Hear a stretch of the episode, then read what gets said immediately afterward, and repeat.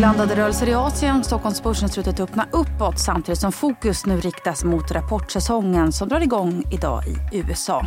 Mitt namn är Ylva Johansson. Här har du det Morgonkoll. Det är ganska försiktiga rörelser på börserna i Fastlandskina idag. Shanghai-börsen handlas precis över nollstrecket och Shenzhen-börsen backar svagt efter att ny inflationsdata visat på fortsatt deflation för tredje månaden i rad vilket ses som ett tecken på fortsatt svag inhemsk efterfrågan. Deflationen var dock både mildare än väntat och jämfört med månaden innan och landade på minus 0,3 procent. Samtidigt så steg den kinesiska exporten mer än väntat med 2,3 procent i december främst drivet av ökad efterfrågan på elektronik och halvledare. Sett till helåret 2023 sjönk däremot exporten för första gången sedan 2016. Hongkongbörsen stiger svagt samtidigt som Tokyobörsen fortsätter sitt rally och stiger ytterligare 1,5 idag. Bland enskilda bolag så lyfter Uniqlo-ägaren Fast Retailing hela 6 efter att ha släppt en stark rapport efter stängning igår. Och oljepriset stiger runt 2 idag efter att USA och Storbritannien inlett ett stort militärt anfall mot Houthi-rebellerna i Jemen under natten som ett svar på fartygsattackerna i Röda havet. Brentoljan kostar 79 dollar fatet. Samtidigt så stärks guldpriset som brukar ses som en säker hamn i oroliga tider. Och mer än 4 miljarder aktier handlades under den första handelsdagen i de 11 bitcoin-ETFerna efter amerikanska finansinspektionen SECs godkännande. Bitcoinpriset handlas dock ganska stadigt runt 46 000 dollar. Börserna på Wall Street stängde oförändrat igår efter att inflationen kommit in högre än väntat. Fed-chefen i Cleveland, Retta Mester, som röstar i år menar att statistiken visar att Fed har mer att göra och att det är för tidigt att överväga en sänkning av räntan redan i mars.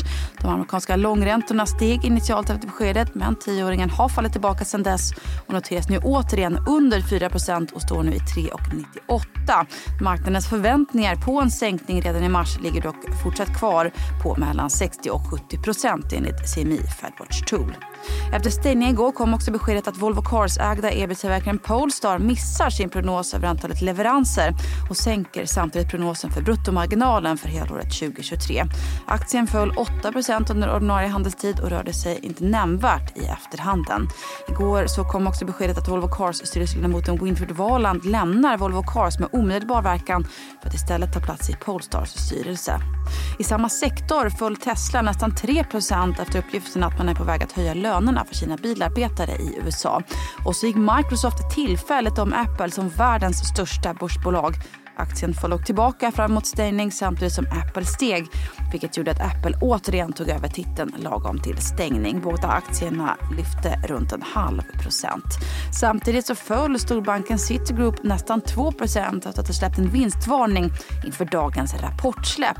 För idag så inleds ju rapportsäsongen på allvar i USA och precis som vanligt så är det de amerikanska bankerna som är först ut med JP Morgan i spetsen. De flesta bankjättar väntas faktiskt rapportera lägre vinster då de avsatt mer pengar till att täcka stigande räntekostnader. Och så till Sverige där bostadspriserna nu är tillbaka på samma nivåer som 2020. Detta efter att priset för både villor och bostadsrätter sjunkit med 1 i december enligt nya siffror från Svensk Mäklarstatistik. På tal om bostäder så har Frankfurt noterade Vonovia som är en stor hyresvärd i Sverige gett ut en brittisk obligation värd 400 miljoner pund vilket motsvarar drygt 5 miljarder kronor. Pengar som ska användas till att betala tillbaka lån som förfaller 2025 och senare. Och Lundin Gold nådde den övre delen av sitt prognosintervall för guldproduktionen vid Fruta del Norte-gruvan i Ecuador på lite drygt 481 000 uns för helåret 2023. Man meddelar också att man inte påverkats av den senaste tidens oroligheter i landet. First North-listade Eigenbolaget Reiktex vd Oskar Mühlbach lämnar efter en överenskommelse med styrelsen och ersätts av medgrundaren Johan Svensson tills dess att bolaget hittat en permanent ersättare.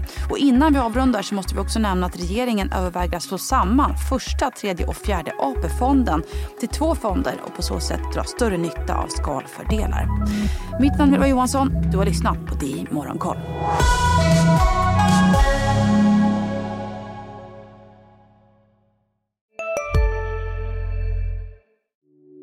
Hej, Ulf Kristersson här. På många sätt är det en mörk tid vi lever i. Men nu tar vi ett stort steg för att göra Sverige till en tryggare och säkrare plats. Sverige är nu medlem i Nato. En för alla, alla för en. Där det finns ett samhälle, där finns det brott. Krimrummet är podden som tar brottsligheten på allvar. Jag bjuder in landets ledande experter och tar upp aktuella rättegångsfall för att begripliggöra den kriminalitet som kryper allt närmare. Du, alltså, du kan knäcka ett eller några gäng, men det kommer komma nya och så kan vi knäcka dem sen. Men att du ska knäcka allt forever, det kommer aldrig ske. Det är infinite gain. Lyssna på Krimrummet, en podd från Expressen med mig Kim Malmgren.